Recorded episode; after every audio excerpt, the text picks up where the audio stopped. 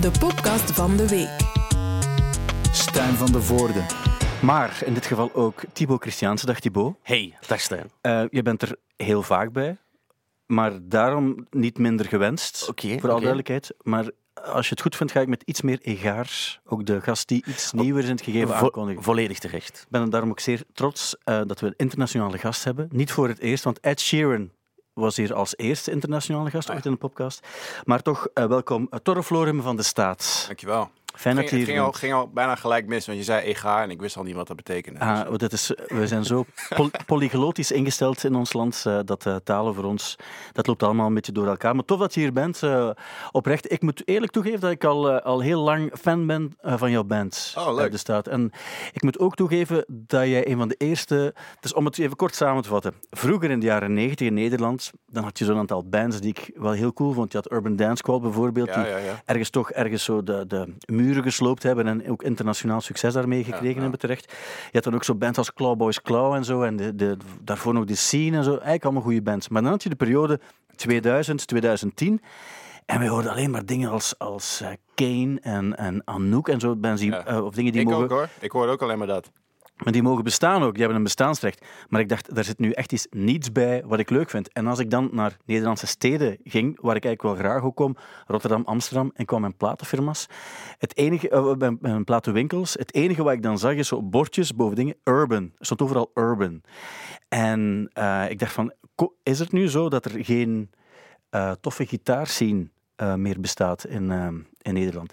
En dan was het Erik Corton die me zei, ja, maar er zijn wel nog goede bands in, in Nederland. Er zijn echt een goede bands. En een band die je zeker eens moet beluisteren is De Staat. Oh ja? En dat heb ik toen gedaan. En, en toen dacht ik van, dat is ook een heel goede band.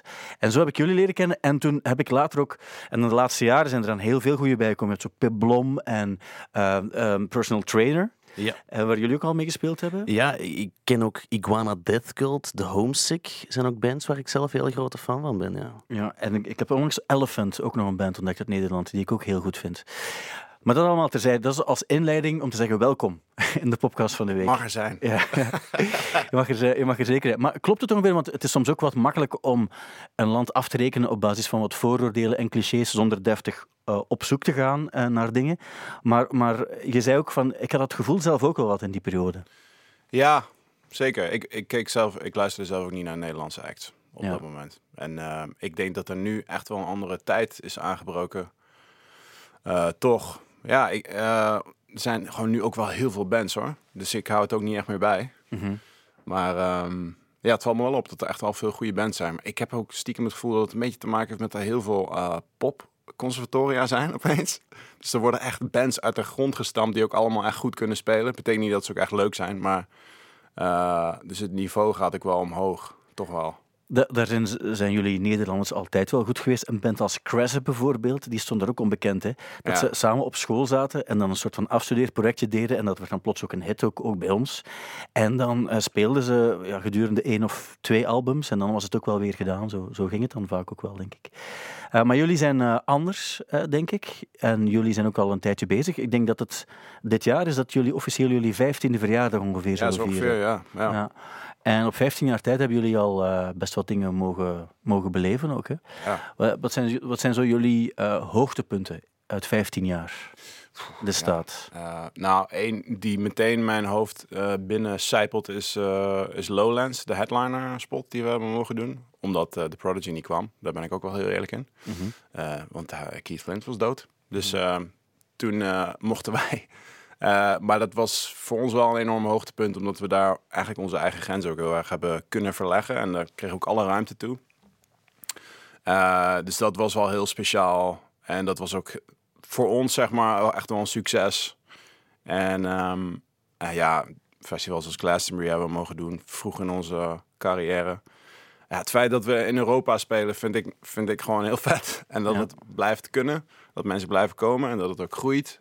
Ook al is dat niet super snel of zo, maar uh, we hebben laatst uh, vorige week in Londen en Parijs kunnen spelen voor het eerst weer sinds lange tijd. En uh, ja, het is gewoon heel. Je, iemand, iemand zei tegen mij van het is een beetje alsof al die mensen die daar waren, dat zijn dan uh, in Londen 600 man of zo, die, die, die kennen het dan ook echt heel erg goed. Mm -hmm. Dus het is een beetje alsof als we in Nederland spelen, alsof de voorste rij dan dat, dat mensen in Londen allemaal van de voorste rij zijn, zeg maar. Dus Ja. ik ken echt elk nummer. En dat was eh, heel speciaal. Dus ik denk, als je het hebt over hoogtepunten, ga je nogal snel de grote dingen noemen of zo. Maar eigenlijk stiekem voor mij is het dat als je in München speelt, dat er mensen komen. Is, is voor mij nog wel bizar. En, eh, Dat is ook zo. Ja. Zeker in je eigen land vind je het vaak normaler. Maar als je het op zo'n plaats kan doen en je weet er komen mensen die een ticket kopen Ja. die niet jouw moedertaal spreken, bij wijze van spreken. Precies, ja. Maar dat vind ik ook wel. bij Jullie klinken ook helemaal niet, eh, niet Nederlands. Ik bedoel dan, jullie klinken ook vrij internationaal binnen hetgeen wat jullie doen. En daarom kan ik me voorstellen, als je, jullie als je jouw muziek hoort en je zou zeggen het is een band uit Engeland, zou je het ook geloven. En het is misschien tof dat je er geen regio op kan kleven. Oh ja, dankjewel. Ja, Ik ik zeg in vind het zelf Nederland altijd heel, heel moeilijk om, om mezelf te analyseren op die Ja, manier. daarom doe ik het voor Ja, jou. oké, Eh, dankjewel. daarom doe Nou. ik het voor jou ook. Ja. Ehm, ja, Thibaut, ja, jullie hebben elkaar ooit ontmoet. Hebben jullie, ik weet niet of, of dat Torre dat nog weet, maar dat was op Pukkelpop 2017, als ik me niet vergis. En eh, we zitten bij hetzelfde plaatlabel, Virgin. En Ja. toen was Fred, de grote toenmalige baas, Ja. die zei toen tegen mij en Pieter, onze band, van hey, eh, Torre is hier van de staat en eh, ik kan jullie wel eens voorstellen. En toen hebben we gewoon, denk ik, hallo en mooi weer vandaag tegen elkaar gezegd. Maar voor mij was dat toen als broekventje, ik ben nog altijd een broekventje, maar was dat wel vrij indrukwekkend. En ik ben nadien ook gaan kijken naar jullie optreden in de Marquee, denk ik dat dat toen was, op Ja. Pukkelpop. En toen heb ik, eh, zoals een debiel, ook mee liggen dansen en duwen tijdens Witch Doctor. Wat toen voor mij toch wel de, de kennismaking was met de staat. Oh, top. Ik denk- ja, nee, dat weet ik niet meer inderdaad. ik denk, heel ook, eerlijk zijn. ik, denk ook, Geen probleem. ik denk ook voor heel veel mensen is dat, eh, het, is dat jullie internationale hit ook een beetje de Witch Doctor. Ik zag ook Ja, in, ja, eh, zeker, de concerten in Londen bijvoorbeeld. of Je hebt de concerten in Londen ook afgesloten met de Witch Doctor. En dat klopt. neem ik aan dat je dat doet met je, met je, grote, je grootste hit, om het zo te zeggen.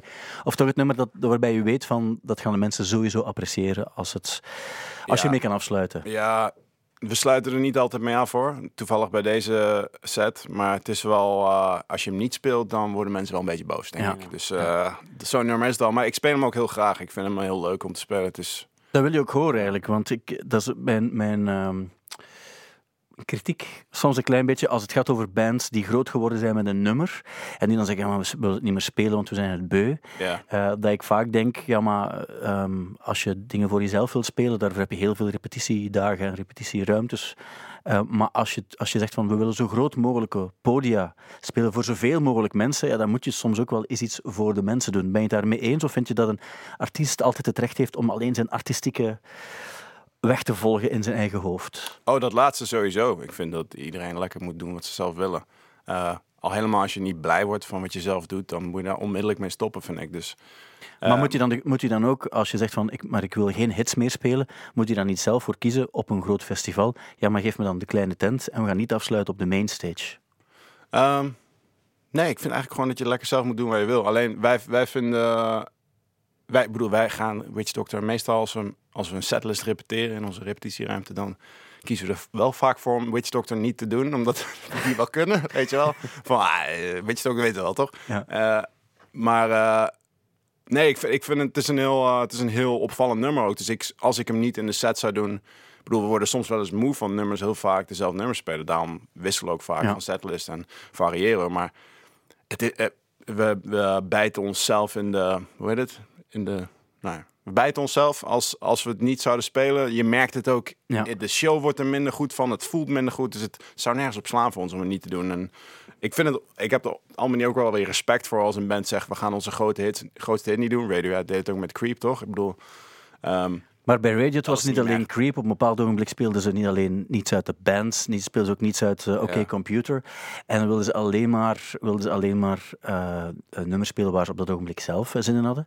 En ik snap ook, maar dan denk ik ook van ja, dat, dat, dat- ja als, je, als je alleen maar tevreden bent ook met nummers waarbij je bijna zeker weet dat niemand ze kent, dan is het bijna een soort van artistic statement dat je het niet wil doen. Gaat het dan ook echt om dat je het? Ik weet het niet. Ik vind het soms heel moeilijk, omdat ik zelf ook geen muzikant ben. Ik snap ook dat je niet altijd zin hebt om dingen kapot te spelen, maar ja, moet je dan wel een tour doen van 60 shows eh, op drie maanden tijd? Moet je dan niet zeggen, we gaan minder spelen en maken dat we het zelf leuk blijven vinden?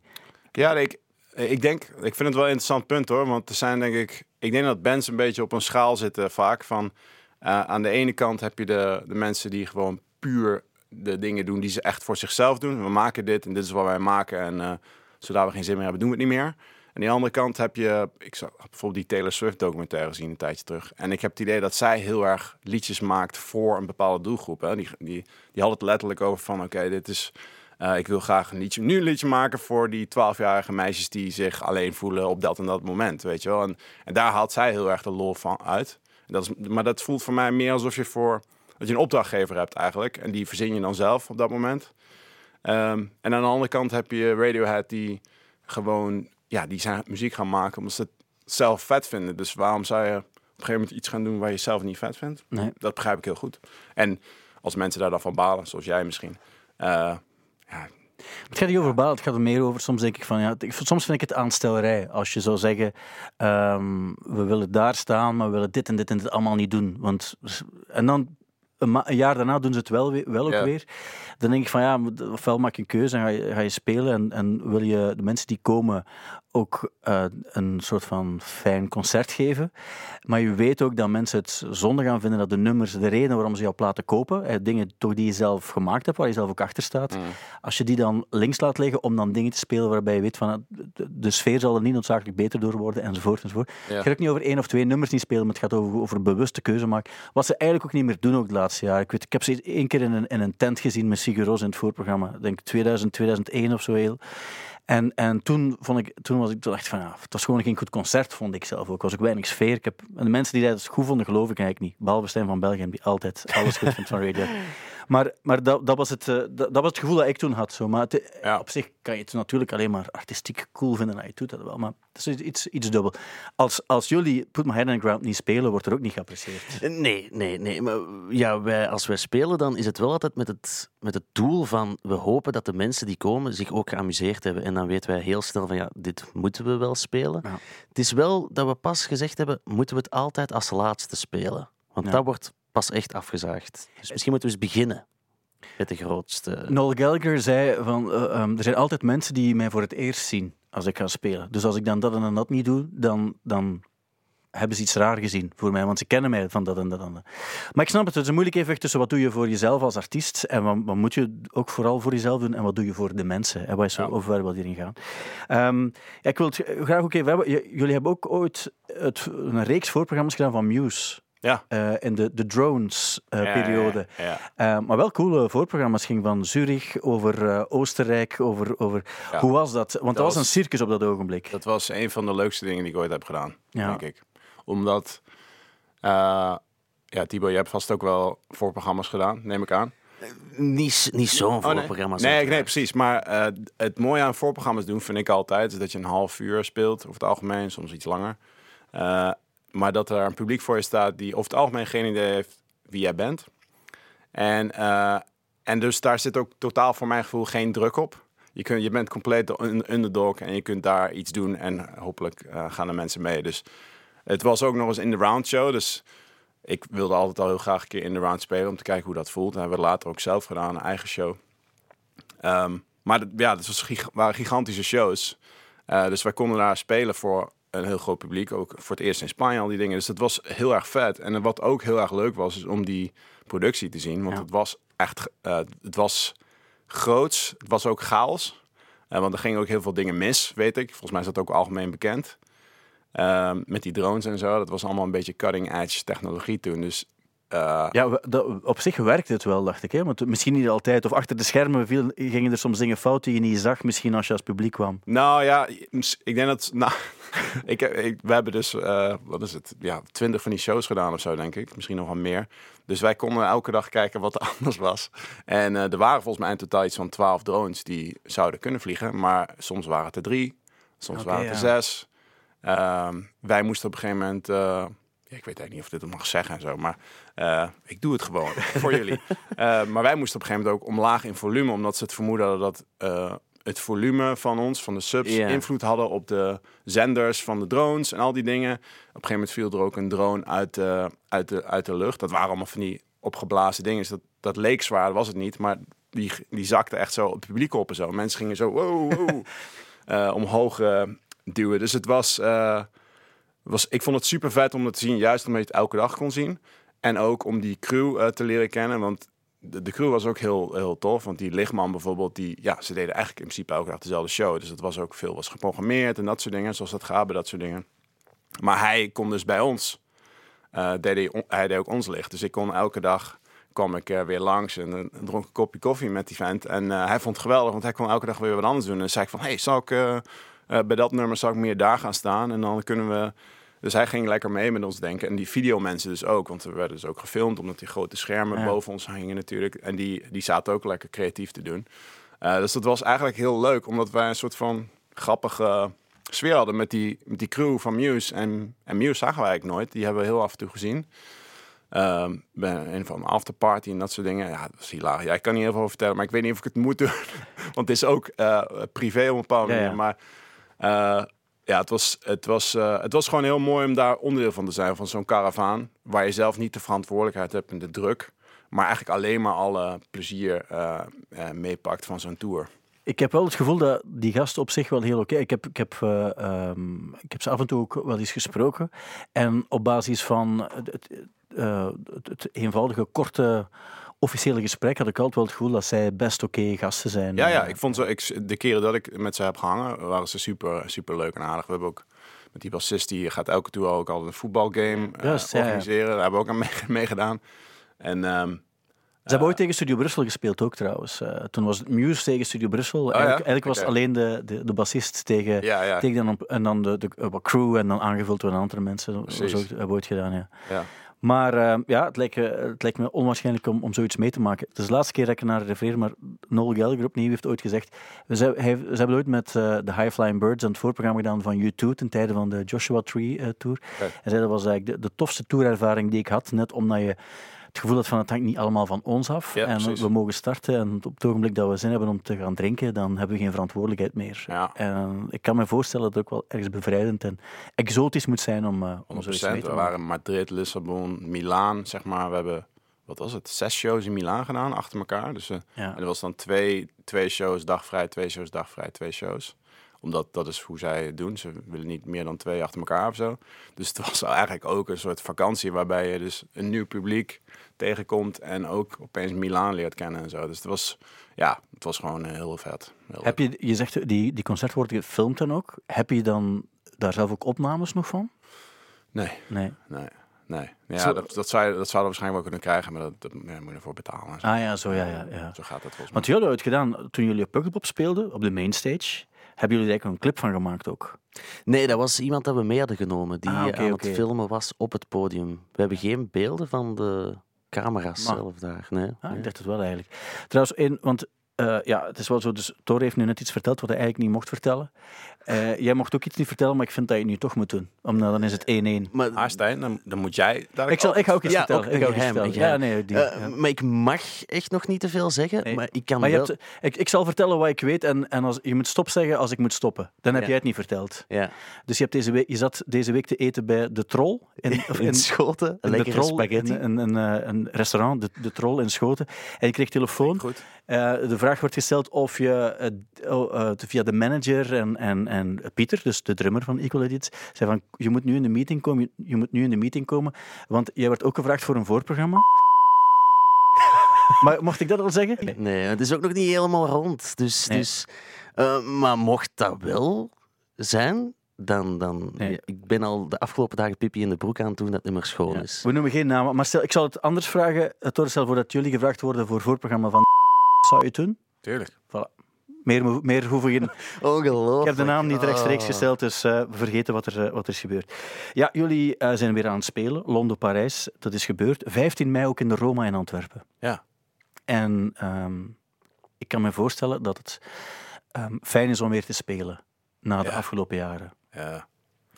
Ik, ik las wel iets bijzonders, want ik, ehm, ik heb een abonnement op het blad Oor. Ah ja. Ehm, en ik weet dat de laatste edities, daar stond Damon Albarn op op de voorpagina, of altijd een grote internationale eh, ster. Eh, jullie staan er nu op, op de cover eh, van Ja. Oor, wat eigenlijk ook wel iets aangeeft over, over jullie status in, in Nederland. Maar ik vond het interessant, er stond een, een fijn artikel en er stond ook ergens bij van ja, we hebben eigenlijk niet zoveel problemen meer met het hele COVID-gegeven. Het is gewoon soms onhandig om ons agenda weer aan te passen. Maar we hebben er ergens vrede mee genomen. Heb, heb ik dat goed vertaald? Ja, ik zag dat ook dat ik dat had gezegd. Ah, oké. Maar ik dacht even, waarom heb ik dat gezegd? Waarom heb ik dat gezegd? Nee, het stond zelfs letterlijk dat ik zei, ik zei iets van, we hebben eigenlijk geen probleem met de coronacrisis of zo.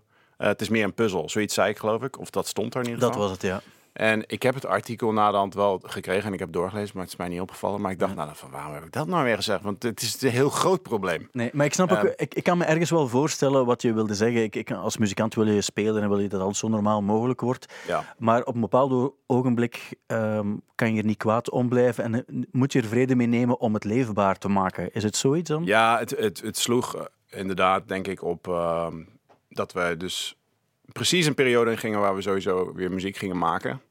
Ehm, dus de pandemie kwam in die zin eh, niet slecht uit. Eh, raar ding om te zeggen, maar Ja. eh, dus, dus en, en we konden niet meer spelen, dus we gingen gewoon heel veel maken. En, ehm, en, en zeg maar, hoe we nu muziek uitbrengen, dat is zeg maar elke ene keer in de zoveel tijd brengen we een paar tracks uit. En we zijn iets aan het maken terwijl we aan het uitbrengen zijn en andersom. Ehm, is, is dat we dus eigenlijk om, ons ook een beetje aanpassen aan de situatie.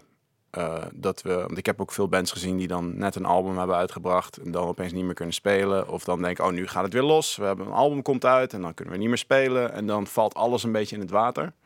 En dat is Mag je voorstellen aan Thibaut eh, trouwens? eh, die heeft exact wat je Ja? nu vertelt meegemaakt. Hè? Exact. Ja. Een, een plaat uitgebracht exact drie weken voor de lockdown. Ja, dat is, En dat toen is was het voor de vuilbak. Ja, en dan voelt het waarschijnlijk nu, tenminste als ik, ik ken andere artiesten die hetzelfde hebben gehad, dan heb je nu waarschijnlijk gevoeld, nu moet er een nieuwe plaat uitkomen. Ja, ja, niks echt. met deze... Echt, ja. Ja, ja. En Terwijl dat wij zoiets hebben van, we hebben precies nog niet gespeeld Nee. met degene die we gemaakt hadden. Maar ja, ja, het is jammer dat het zo moet gaan. Ja. Tegenwoordig kan je niet langer dan twee jaar met een plaat gaan, Mhm. denk ik. Ja. Wat ook opvallend is, die plaat die jullie toen uitgebracht hebben, de, die plaat is volledig geel. Volledig. Ik snap waar je naartoe gaat. Voilà. Eh, jij ook neem ik aan, Torre. Dus een, een, een volledig, dus de, de hoes, de vinylplaat, is echt volledig geel. Alleen staat er een klein Equal Edits nog op, denk ik. Ja. Ehm, en waarom, misschien moet ik eerst vragen, waarom heb je ervoor gekozen om die plaat volledig geel te laten zijn? Om, eh, om, ik, ik denk dat ik ooit eens artwork had gezien van de band This Heat, maar dan in een soort van limited edition Japanse versie. En dat was helemaal fluo blauw. En dat vond ik heel cool, omdat dat direct in het oog springt. En dan dacht ik, als we het nu in een felle kleur doen en die ligt dan in de platenzaak, dan valt die meteen op en gaan mensen daar misschien sneller naartoe of zo. En het is ook heel simpel. Simpel Ja. artwork, niet te veel last mee. Had het met de mood te maken ook, of niet echt? Nee. Nee. Bij jullie wel. Om het even, mag ik het zo samenvatten dat jullie nu muziek aan het maken zijn, waarbij je eerst het, het plan had, laat ons gewoon een, een plaat maken en dan dacht je, van, we hebben veel nummers en we willen verschillende kanten uitgaan, dus we kunnen eigenlijk de verschillende kanten die we uitgaan eh, behouden en elke kant geven we een andere kleur, omdat er een andere sfeer bij hoort. Heb ik het zo juist ja, eh, samengevat? Ja. Hoe, hoe is het echt gegaan? Want ik heb nu mijn, mijn korte versie eh, op basis van wat ik heb gelezen gemaakt, maar hoe is het echt gegaan? Nou, ja, eigenlijk gewoon zo, zoals je zegt. eh, eh, Het leek mij altijd al een keer leuk om onszelf...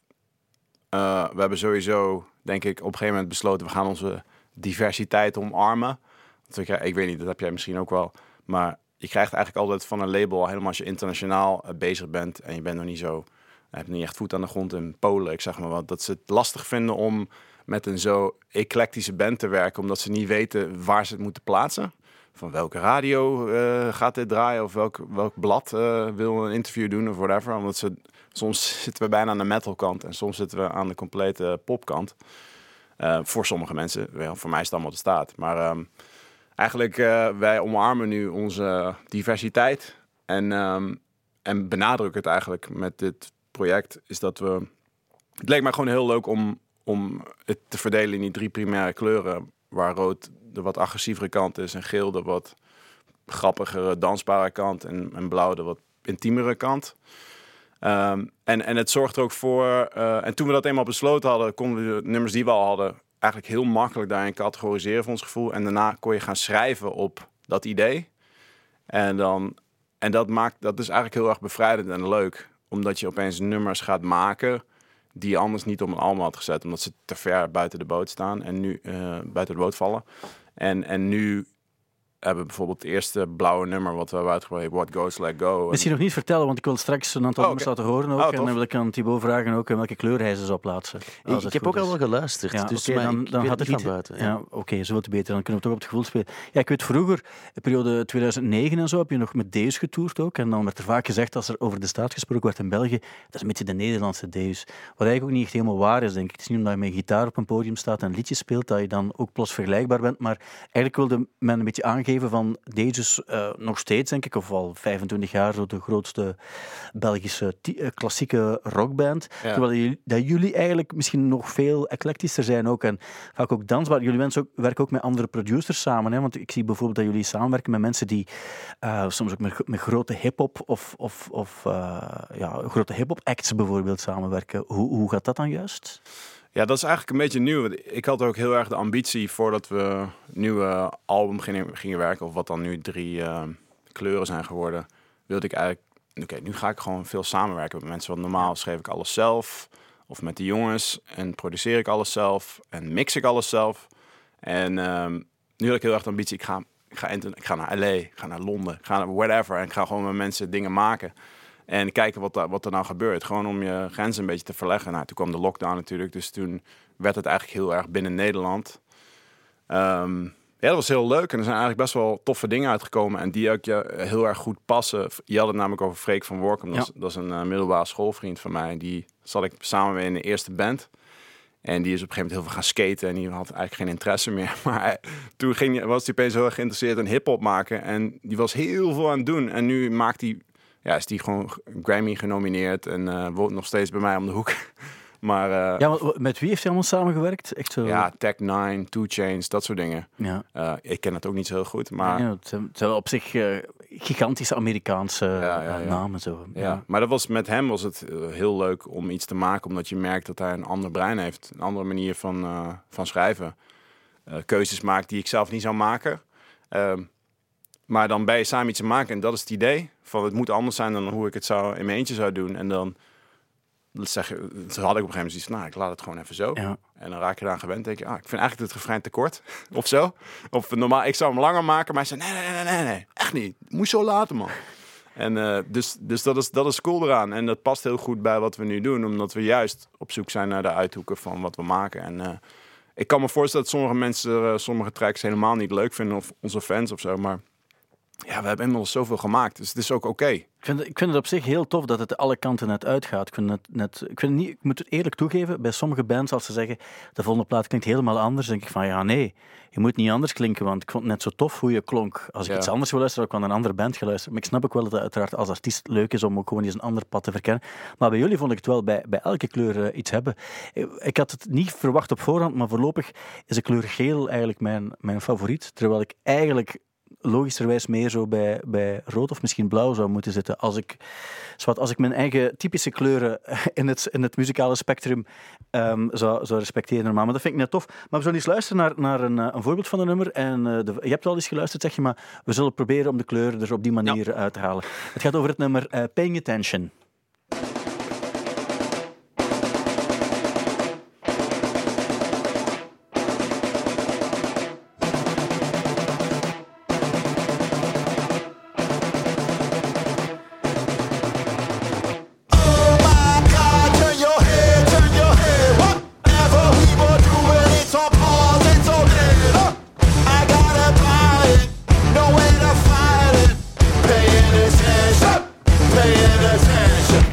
Zeg dat er een beetje een... ehm, een dat is het gevoel dat ik had toen ik het voor het eerst hoorde, dat er een soort Kasabian-vibe in zat hier in dit nummer. Oké. Ja, ehm, dat, dat is een makkelijk oppervlakkig gevoel misschien, maar dat, dat had ik wel. Ja, Het is rood, toch? is, het, is het rood? Ik, denk, ik dacht rood. Ja, eh, het is juist, hè? Rood. Ja, dat is juist. Ja. Ja. Leuk. Dit is een soort sl- slimste mensen eh, Een soort van. variatie. Een soort van. Minder goed wel, gedaan, toch? maar, eh, maar Hey, goed, goed gedaan. Rood is ook wel jouw kleur natuurlijk. hè. Ja, best wel, best wel. Een cool Eh, nummer ook, heel, cool nummer sowieso wel, ja. Het gaat ook over het Thanks. feit dat ehm, ehm, rijke mensen hebben geen tijdstekort. Mag ik het zo zeggen? Dus dat geld niet het belangrijkste is, maar dat je eigenlijk tijd moet kopen soms meer dan dat je dingen koopt. Ja, tij- tijd is. Ja, als je er een beetje over na gaat denken, dan vond ik op een gegeven moment dat tijd eigenlijk de meest waardevolle eh, currency, ik weet even niet wat het Nederlandse woord ervoor is, Ja. eh, is in plaats van geld is tijd. Tijd is geld, zeggen ze ook wel vaak, maar eh, zodra je op een gegeven moment achterkomt dat je geen tijd of ruimte hebt en dat je aandacht heeft wordt opgeslokt door allerlei dingen, dan ben je eigenlijk arm, voor Ja. mijn gevoel.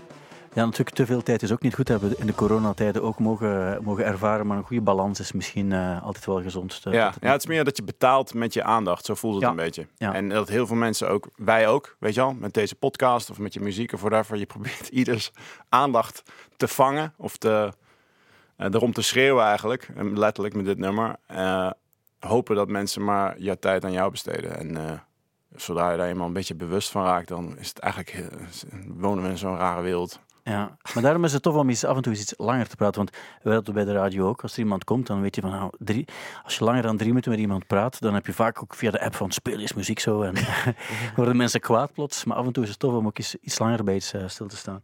Oké, eh, klaar voor de kleur? Eh, klaar voor de kleur is misschien een goede titel van dit inwendig programma. Dit is waarschijnlijk mijn persoonlijke favoriet.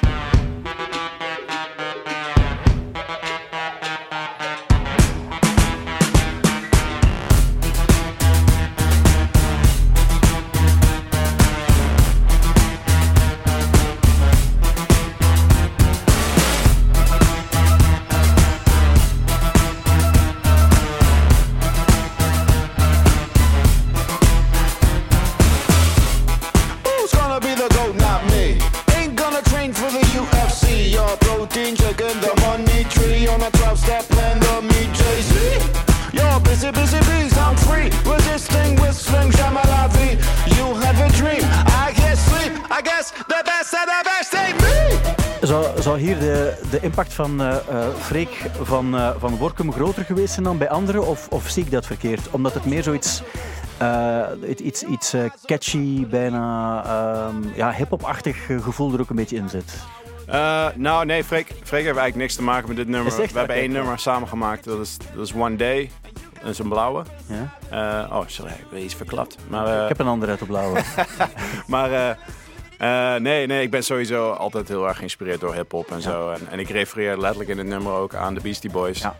Eh, omdat ik het ook, het is ook wel, ik bedoel, als de Beastie Boys hierop iets zouden doen, dan zou het ook kunnen, zeg maar. Dus Ja. ik ben bewust van de.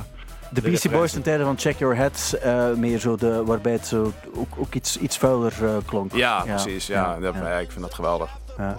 Eh, welke kleur je Ik weet, ik weet het, want het nummer ken ik. Ja. Of kende ik al op voorhand. Who's Gonna Be The Goat, Ja. zeker? De gele. De gele. Ja, de gele.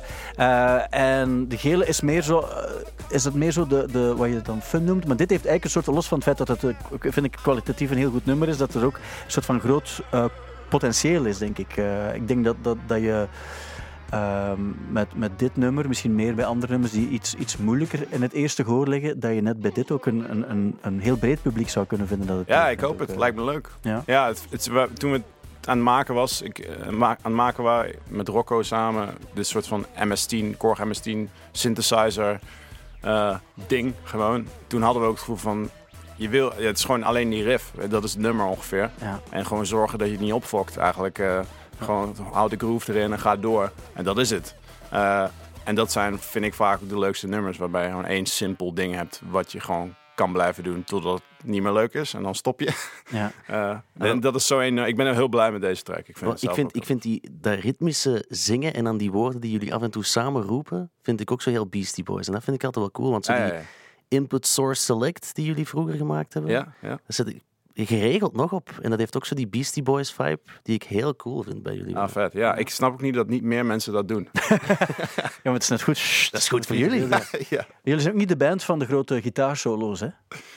Eh, niet of wel? Niet? Nee, nou, vroeger meer. Ja. Vroeger waren eh, in de eerste album, tweede album, Ja. toen hadden we veel meer lange stukken waarbij eh Wedran, ja, Wedran, onze gitarist, die kan heel goed eh, spelen. Dan kan hij heel goed soleren. Dus, dus we hebben live zeker wel momenten dat, er, dat we ervoor kiezen om te improviseren. Eh, en dan gebeurt het wel. Maar de laatste tijd wel minder op, op, eh, op de plaat zelf. Ja. Ja. Jullie ook niet, hè, Thibaut? Gitaarsolo's? Absoluut niet. Vertel nog eens het verhaal, want het ging er nu... Ik hoorde je deze week ook nog vertellen ik weet al over wat het gaat, denk over... ik. over dus eh, Thibaut heeft samen ooit met Plastic Bertrand het nummer Saplan pour moi eh, gespeeld. Ja. Eh, ken je het nummer? Ben je Nee, vertrouwd nee, met nee, het? is, het is eigenlijk een van de grootste Belgische hits. Zelfs in het boek van de Beastie Boys. Je hebt, de Beastie Boys hebben zo'n dik boek gemaakt. Ja, ja, ja. Ehm, er staan een aantal referenties van wat zijn de nummers die, die hen geïnspireerd hebben. Daar staat Saplan pour moi, Plastic Bertrand ook in. En ehm, ehm, dat is denk ik, een, eh, ik denk dat het 5 miljoen stuks of zo verkocht heeft. Of, Ik denk dat het een van de bekendste Belgische nummers ooit is. Als je het Ah, hoort, met- ga je het onmiddellijk herkennen, sowieso. Oké, ja. Ehm, en, en wat was het verhaal nu? de- Ja, dus gisteren, want we zijn vandaag vrijdag, eh, is Plastic Bertrand zelf eh, 68 jaar oud geworden. Dus dan babbelen we daarover. En het ging over de Week van de Belgische Muziek. Vorig jaar, een week waarin dat we dan Belgische artiesten zo wat vieren. En er was een tv-show waarin ik met mijn band eh, een feature mocht doen met Plastic Bertrand, omdat wij, omdat we live wel eens geregeld Saplan pour het nummer spelen. Maar dat werd dan ook gerepeteerd op voorhand. En dan kwam die man eh, naar hier om te repeteren. En ik zeg van ja, kijk, we spelen het wel niet op zijn manier. Die Franse tekst gaat heel snel, vind ik ook heel moeilijk. Dus ik zeg, ik, ik- ja, ik wil het wel doen zoals wij het doen. En dan is dan letterlijk baguette avec saucisse en omelette du fromage. En dat was wel een voorwaarde dat het zo niet mocht. Dus ik moest de tekst van buiten leren. Had ik dan geprobeerd. En eenmaal die repetitie begon, was ik de tekst kwijt. Wat dus redelijk gênant was voor iemand van die status die dan langskomt. En we waren dan aan het repeteren. En ehm, toen zei Plastic Bertrand zelf ook van ja, en maintenant le solo. Ik zeg ja. Ja, nu zitten we met een probleem, want we spelen live nooit met de solo. Dat is gewoon fuzzpedaal op en gaan. Ja. Ik zeg van ja, kijk, ik ben nu niet de beste solist. En ze zeggen ja, nee, nee, nee, we gaan een solo doen. Ik zeg ja, ik wil wel iets proberen, maar het gaat niet zijn wat jullie willen, denk ik. En dan deden we het nummer nog eens en heb ik gewoon een fuzzpedaal ingeduwd. Heb ik de meeste herrie ooit gemaakt. En toen deed hij letterlijk naar heel de, de band die meespeelde, deed hij zo met zijn, met zijn handje het teken aan zijn nek van nee, we gaan ophouden, we gaan ophouden. En dan ging hij naar de bandleider en dan zei hij, pak comme ça, pak comme ça. En toen zakte ik door de grond van schaamte en heb ik gezegd, ja, dan doe ik hem niet, want het is zoals ik het leuk vind of niet. En dan heeft Tom van Stiphout, zeer goede gitarist, de solo gespeeld. En heb ik live zo wat de biel staan doen. Ja. Dat was het verhaal. Ja. Het gaat over dit nummer trouwens. eh. Oh, ja, ja, die- oh, ja, tuurlijk. Ja. Zo, de grap is eigenlijk ook, eh, ik, ik kwam Plastic Bertrand een paar weken daarna tegen in Brussel. En ik werd voorgesteld aan, aan Plastic Bertrand door iemand dat erbij was, ook die hem, die hem heel goed kende. En, ehm, en ja, het, was een soort van moeizaam gesprek, ook omdat het in het Frans moest. En Frans is ook Daar niet- hadden wij ook moeizame gesprekken. ja, dus ja, het was van, ah, je werd voor Studio Brussel, ja, ja. En, eh, en ik zei, ja, dus ik ken, ik ken Thibaut ook. En hij zei, oh, wie Thibaut, wie? En onmiddellijk super. en hij zei ook van, ah, maar ik wil, ik wil nog eens met hen spelen eigenlijk ook zo. En, maar ik weet nog dat ik dan tegen jou zei, hij wil graag nog eens spelen met jullie. En dan jullie zeiden van, "F- het hoeft misschien niet meer... eh, jawel, omdat, jawel, omdat er te veel, te veel gedoe bij kwam. Was het niet zo?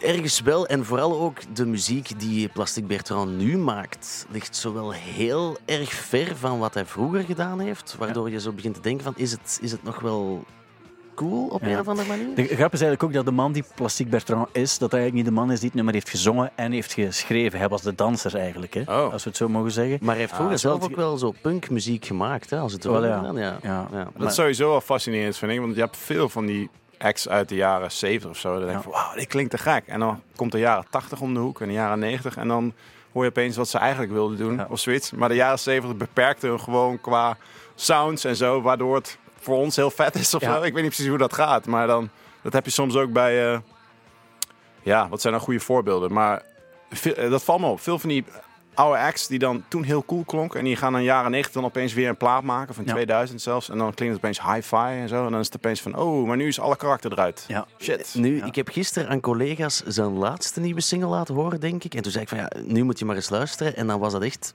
ja, sinds met autotune dat niet meer mooi was. Ja. Niet meer de Plastic Bertrand die mensen kennen. Nee, de grap is ook, de Beastie Boys kennen Plastic Bertrand als een soort van een van de eerste die, die bij de punk-sfeer hoorden. Terwijl die gast, die dacht van, ah, die punk door...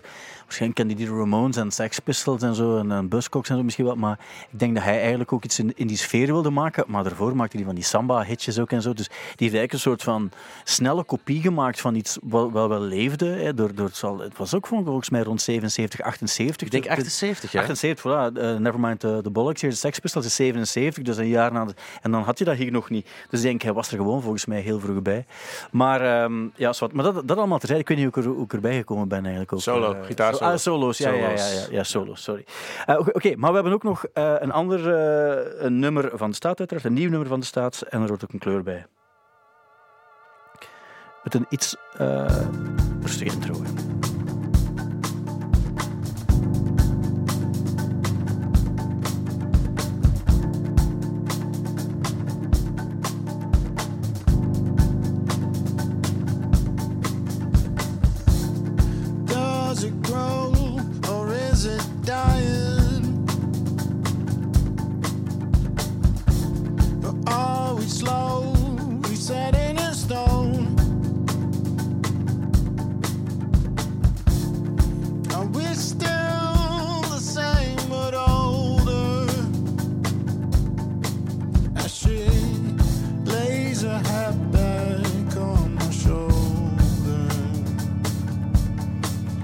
Goes, Let Go.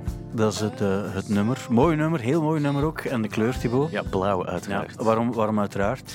Eh, omdat het toch iets eh, ingetogener of, of gevoeliger klinkt of zoiets. En ik denk dat blauw wel de kleur is die daarbij bij hoort. Ja, nee, wauw. Ja. Ik ben eh, vereerd. Ik vind het leuk. We zijn eh, alleen maar over mijn muziek aan het praten hier. Eh, wel, er valt toch veel over te vertellen. Dat is het leuke. Mocht er niet veel over te vertellen zijn, dan zou, hadden we al afgerond. En eh, Ja, het over iets anders gaan. Maar het is tof dat je hier bent om over al die dingen te praten. Maar ik vind het ook wel... eh, blauw is misschien denk ik een van de meest herkenbare kleuren ook in de muziek. Dat wordt vaak ook zo bezongen. Zo de Jayhawks die het nummer Blue hebben. Wat echt zo, I'm feeling blue. Dat is ook het gevoel dat je dan, Ja, ja, ja. dat je dan ook hebt. Eh, Spain heeft ook zo'n heel mooie... eh, The Moods of Blue, denk ik, of zo dat het heet. Ehm, maar het Ja, is, het, eh, is, het is gra- grappig hoe dat werkt met kleur sowieso. Want iedereen heeft op zich een andere associatie met kleuren. Maar Ja. dit is eigenlijk mijn associatie. Maar dan merk je toch dat... eh, dat komt dan natuurlijk toch uit de wereld. Dus veel mensen hebben... Ja, als je nou het nu over zegt... Blue, kind of blue. eh, blauwe, ja... Blues, ja, zeg maar. ja. Eh, ja, dat is eigenlijk allemaal heel logisch of zo. Maar, maar bij geel en eh, rood vond ik het moeilijker om, om daar voor mij een genre op te kleven of zo. Ja. Voor mij persoonlijk. Dus ik snap dat, dat, dat je het als Precies. artiest kan je dan net wel het, eh, het, het, de juiste stijl bij de juiste kleur kleven zoals je het zelf aanvoelt. Dat is de bedoeling ook, ook uiteraard. Ja. Maar dat maakt het wel interessant om zo'n verdeling te maken. Is dan ook de bedoeling dat daar drie platen van gaan komen? Ehm, ja, dat is het ding van. Ik weet nog niet precies waar het naartoe gaat. Eh, dat hebben we ook heel erg besloten van. ehm, we hadden best wel veel nummers gemaakt, maar ik verwacht ook dat heel veel nummers het niet gaan halen. En we zijn tegelijkertijd ook nog nieuwe tracks aan het maken. En ik weet dus niet wanneer het stopt. En dat is voor heel veel mensen ook heel irritant. Eh, eh, want ja, veel mensen willen op een gegeven moment weten van, nou, wanneer is het dan klaar? Wanneer komt de grote finale? Of wanneer komt de vinyl? Of whatever. Ja. En, eh, ehm, en wij wilden juist dat kijken hoe dat zou zijn om het los te laten. En, eh, want ik heb dat al eens eerder gezegd van, ik, vind, ik hou heel erg van albums maken. Maar dat voelt toch altijd wel ook een beetje, als je eenmaal af hebt, dat je dan een, eh, een vrucht eh, hebt laten groeien en hebt geplukt. Een pruim, ik zeg maar wat. En dan zo van, kijk, dit is hem. En dan wordt hij nog wat rijper. terwijl je hem laat zien. En dan vanaf dat moment gaat hij eigenlijk rotten. En dan langzamerhand is iedereen er klaar mee. Jezelf ook.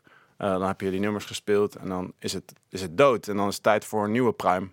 En, en nu is het, voelt het meer alsof we de, eh, alsof we de boom laten zien. Waar, waar alles aan groeit. En af en toe hebben we weer een nieuwe pruim. Kijk, Ja. hoi. Ja. En dan, kijk maar, kijk, de boom. We zijn het aan het maken. Dit is, dit is, wij zijn de band. Dus het voelt alsof er meer focus op de band in plaats van eh, het album. En dat, is, dat is een, eh, vind ik heel bevrijdend. Maar het is ook heel ingewikkeld, want veel mensen, eh, zoals jij net, zo van, iedereen vraagt zich af wanneer dan de vinyl komt. Of wanneer, wanneer want meestal worden losse singles uitgebracht als teasers voor de albumrelease of zo. En iedereen denkt nog steeds dat dat zo is.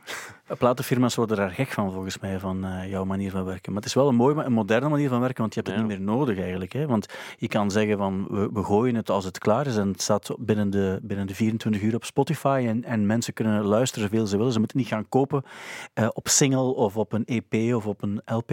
Anderzijds kan ik me ook wel voorstellen dat het vaak een mooi afgerond geheel is, die iets wat een bepaalde periode afsluit. Ja. En dan kan je wel met die plaat gaan spelen, want dan kan, kan de tour heten zoals de plaat heet. En dan Ja. Is het soms op dat gebied. Maar het is wel een, een toffe, misschien meer eh, ja, experimentele manier van werken. Precies. Het, het heeft ook weer heel veel nadelen. Ja. Dat is ook gewoon waar, want het houdt nooit op. Soms is het ook fijn om iets af te ronden en dan te weten van, nou, cool, eh, nu gaan we gewoon spelen. En, maar nu is het zo van, we gaan spelen, oh, we moeten ook nog een paar tracks afmaken. En, dus het is ook wel een manier om je, jezelf lekker aan het werk te houden tijd. Maar ja, nee, ik, eh, het, ja, het is het experiment waard, absoluut. Ja, want zo doen jullie dat eigenlijk ook. Hè? J- Jullie maken nummers, dan gaan jullie, gaan jullie een tijd in de, in de studio zitten. Eten jullie veel heksenkaas met, Eh, met zalm. met zalm, Op een broodje, ja. elke middag. Ongeveer wel. En dan is het eh, opgenomen en dan is het klaar eigenlijk. Hè? Ja, ja ik, maar ik snap Torre zijn uitleg ook wel, want ik denk dat we daar in, in, in België ook zo wel heel erg mee bezig zijn, dat als je singles uitbrengt en er nog geen plaat is, dan beschouwt iedereen het als nieuwe muziek en dit moet je gehoord hebben.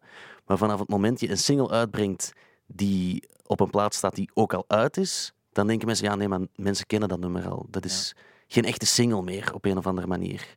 Dus ik denk, er zijn zoveel artiesten, heel veel hip-hop hip-hop artiesten, die gewoon singles blijven uitbrengen. Ja. En niet echt meteen een album. En dat marcheert toch ook telkens opnieuw. Absoluut, ja, ja. Waarbij je ook vaak ziet dat bijvoorbeeld zo'n Lil Nas X bijvoorbeeld, wat dan een van de grootste dingen is die er bestaan, die plaat is zelfs niet, niet beschikbaar op vinyl, die kan je zelfs niet kopen. Ja. Gewoon omdat hij zoiets heeft van, het zal wel dat het moet, maar, maar zo maken we geen, geen muziek meer in 2022.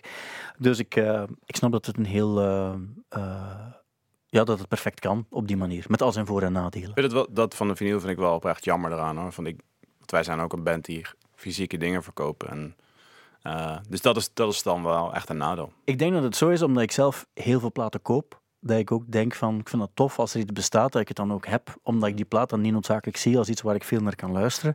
Maar ook vaak klopt dat ook bij een bepaalde tijd en je weet ook, je weet ook in welke tijd die gemaakt is en dan wil je dat ook fysiek hebben, dat je die, als je die eruit neemt, dat je weet van, ah ja, dan koppel ik dat terug aan die tijd. Daarom koop ik eigenlijk ook, ook graag platen. Ja.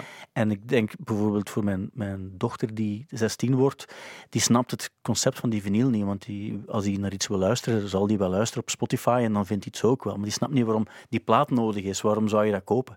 Op een, op een aantal uitzonderingen na. Dus ik denk dat het ook een soort van, eh, ja, hoe je zelf muziek wil, wil consumeren, dat het daar wel mee te maken heeft. Ja. Ehm, mag ik ook zeggen dat jullie internationaal een beetje ontdekt zijn door Chris Goss? Je- hoe bedoel je internationaal ontdekt? Eh, eh, Als ik het goed begrijp, heeft hij ooit, toen hij mee was met Queens of the Stone Age of zo? Of, of, of of. Death Metal? Ja. Eh, jullie gezien en toen heeft hij gezegd van, ah, de staat, eh, was het misschien op Lowlands? Ja, was Blowlands, ja. Lowlands en 2009. hij- hij zag jullie en zei van, dat is een goede band, misschien moet ik die maar tekenen op mijn label. Eh, nou, we, we zijn uiteindelijk getekend bij het label waar hij ook bij zat. Oké, zoiets, ja. Dat was meer, ja. Maar hij stond inderdaad toen, dat was voor mij zeer indrukwekkend. Want wij gingen optreden daar. Dat was natuurlijk ook heel, sowieso een heel zenuwslopende gig voor ons. Want het was Lowlands en het was het eerste jaar dat we überhaupt een plaat uit hadden en zo. We speelden gelijk op Lowlands en, en eh, Pinkpop dat jaar.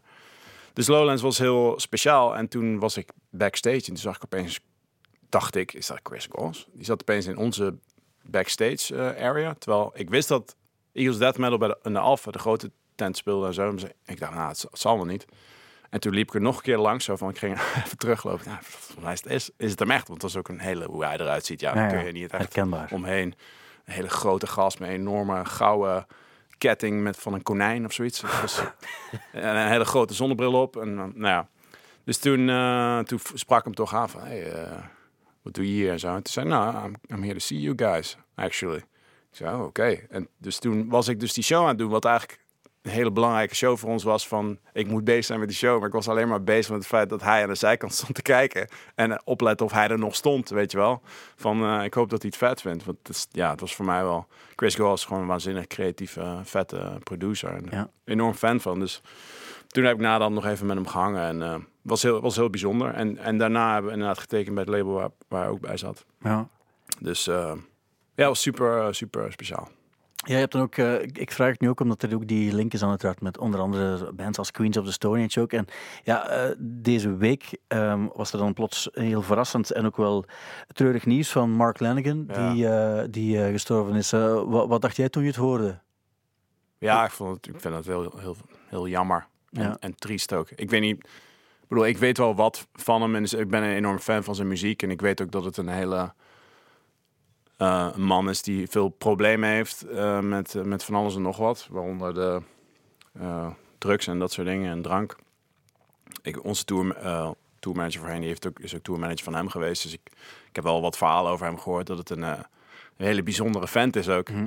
Ehm, dus ik vond het heel jammer dat hij, dat hij niet meer leeft. Dat hij is overleden. Want hij, hij maakt ook heel veel. En het is allemaal eigenlijk tof.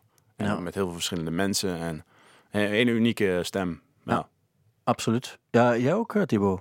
Eh, ja, maar ik denk wel op een, op een andere manier misschien dan jullie. Bij mij is het echt vooral die Queens of the Stone Age periode geweest. Dat ik het nummer Song for the Dead hoorde en dacht, amai, Josh Homme heeft een rare stem gekregen. En toen is dat mijn kennismaking geweest met Mark Lanigan. Eh, maar ik verschoot er ook wel van. Niet dat ik er superveel van ken, maar ik heb ook wel meteen naar jou gestuurd toen Ja. ik het nieuws zag. Omdat ik dacht van ja, daar moeten we op Stubru iets mee doen. En toen bleek dat er heel veel mensen iets met Mark Lanigan hebben. En eh, niet meer dan terecht. Het, is, het was heel opvallend dat toen ik het nieuws hoorde, ik had echt net vorige week of zo, had ik eh, zijn, eh, zijn boek Devil in a Coma gelezen. Waar hij gaat, dus zo'n heel eh, vreemd, maar wel een tof boek ook, waarin hij vertelt over, over zijn COVID-ervaring en het feit dat hij ook, ook echt er bijna aan was. En het is een half poëtisch geschreven werk ook zo, maar eigenlijk, eigenlijk best oké, want ik had zijn, zijn echte memoire, eh, die Sing Backwards and Weep, ook gelezen. En dat gaat echt over zijn periode in, eh, in Seattle, Waar, waarbij hij echt ook, ook in, in, in panden hangt. En, en eigenlijk, eigenlijk had hij de jaren negentig niet mogen overleven. Beseft hij zelf ook wel aan, aan het tempo waarin hij geleefd heeft en hoe, hoe ongezond het gegaan is, hoe ver het met, met drugsgebruik en zo gegaan is ook. Maar ehm, ja, de laatste jaren zou het, zou het beter geweest zijn. Dus het is op zich, eh, het was sowieso, los van hoe het gebeurd is, doet er niet toe ook. Eh treurig nieuws voor, eh, zoals je zegt, ook zo, met zoveel verschillende artiesten samengewerkt. En eigenlijk altijd had je iets uniek, of nu met Uncle was, Ja. of met Queens of the Stone Age, of zelfs met Moby, Ja. of, of met wie dan ook. Het, eh, het was altijd heel herkenbaar. En, en de Belgische link was er ook natuurlijk. Heeft ook met Tom Barman heeft hij ook nog... eh, Ja, hij had zelfs een tijdje in Antwerpen gewoond, heb ik dan geleerd deze week. ja, En die was vorige week blijkbaar nog aan het repeteren in Trix in Antwerpen, ja, omdat ze terug gingen, gingen spelen. Dus ik denk dat het voor velen wel onverwachts was. ja, ja, absoluut. Eh, treurig nieuws sowieso voor eh, alle muziekliefhebbers, eh, kan ik me voorstellen ook.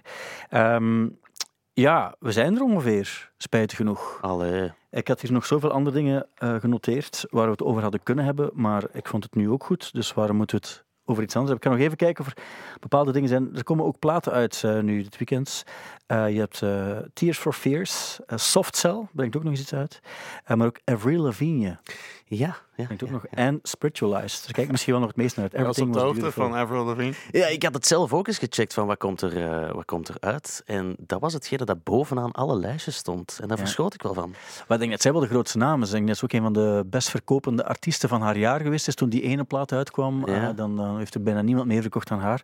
Ah. Ehm, ja, dat is een, eh, een, een popartiest die toch altijd het gevoel heeft willen geven van ik ben ook...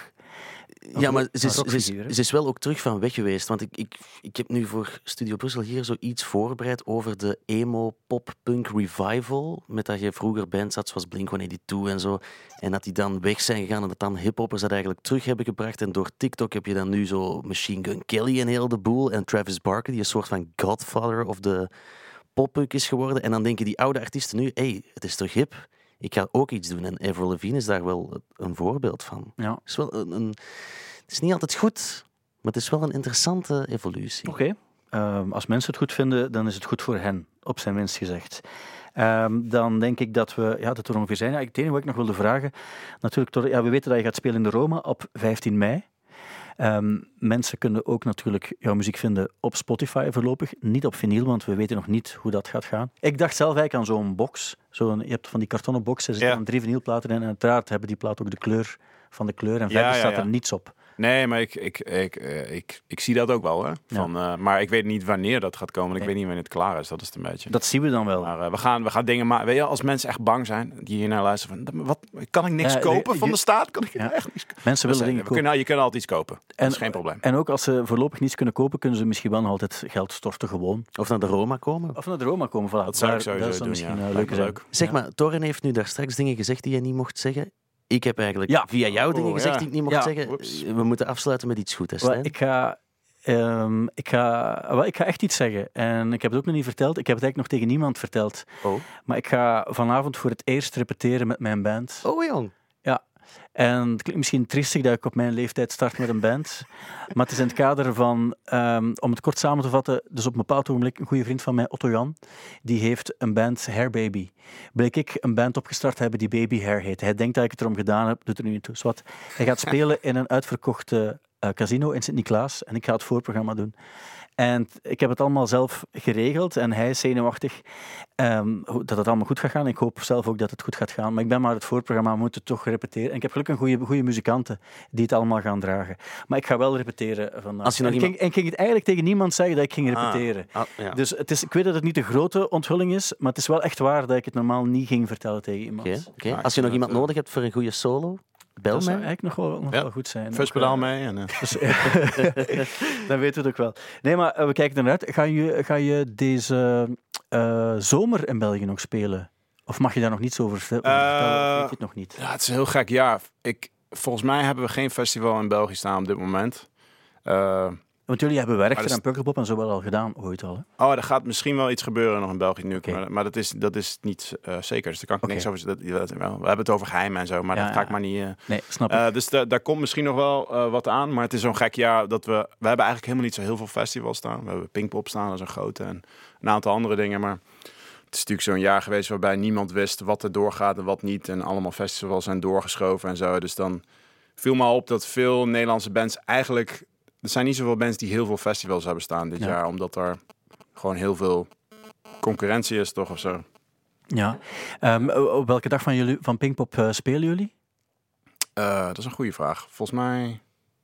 Het is of de vrijdag of de zaterdag of de Ah, zondag. Weet je wie er nog... Wie er nog Ik weet het echt niet. dat is een van de drie dagen. Ja, precies. Maar heb je enig idee wie er nog bij staat op de... op Ja, de ja. dag, eh? Imagine Dragons speelt volgens mij na ons. En Queens of Stone Age speelt op het andere podium. is, Dat, is, eh, dat, is, dat, is al, dat vind ik al leuk. Absoluut, Ja. zeker en vast. Het gaat eh, zeer fijn zijn. En zeker ook om dan in Nederland te kunnen spelen.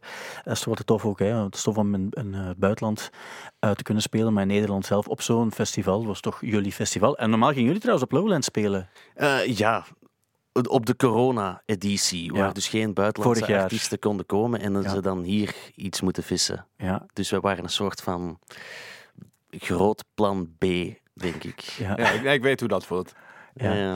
Wij waren als headliner plan B, weet je wel. Maar het is, het is Ah, gewoon ja. een show. Weet je wel. Uiteindelijk is alles gewoon een show. Het is alles. Het is, we doen alles voor de show. Dat is ook zo. Trouwens, over show gesproken. Hoe komt dat je nu nagellak aan je vingers hebt? Want daar hebben we het nog niet over gehad. Eh, Ik dacht, eh, die emo-periode, ga je daar nu zelf ook nog door? eh? Moesten we deze podcast niet afsluiten, eigenlijk? ja, maar vertel, het- vertel het nu maar. Je hebt nagellak. Nee, het is een vierjarig dochtertje van een vriendin van mijn lief, die graag speelt met nagellak. En ik was het slachtoffer van die avond. Ik heb je nog nooit zwart in je nopjes gezien met die eh Ja, nagellak. maar dankjewel, ik dankjewel. zelfs. Ik, Maar zie, ik, trouwens, ik zie trouwens ook op die dag dat jullie op eh, Pinkpop spelen, Turnstile staan op de Oh, ja, affiche. vet. Band van het moment, of van het afgelopen Ja, jaar, jouw favoriet, hè? graag, graag nog meegeven. Ja, vind ik ook vet. Wel, wij komen kijken. En het gaat nog echt waar zijn ook, want ik, kom naar, ik ga naar Pinkpop. Leuk. Ehm, dus we kijken eruit, naar uit om het daar te zien. Eh, in de Roma kom ik ook kijken, dus kijken we Oh, ook naar uit ja. om het daar te zien. Oké, ik ga mijn best doen. Ja, dat, druk al. daar twijfel ik niet aan. Eh, daar maak ik me geen zorgen over om al die kleuren door elkaar gemengd te zien in, eh, in één concert. Uh, dankjewel dat je, er, eh, dat je er was ook. Hey, leuk om hier te zijn. Dankjewel voor de interesse. Zeer, zeer, zeer graag gedaan. En eh, ja, graag tot zeer binnenkort, Thibaut. Ook dankjewel aan jou. Graag gedaan. Check ook onze andere podcasts, zoals Thank You Boomer, waarin Thibaut Christiaanse uitzoekt of een bepaalde artiest wel echt tijdloos mag worden genoemd. Nu in de Stubru-app.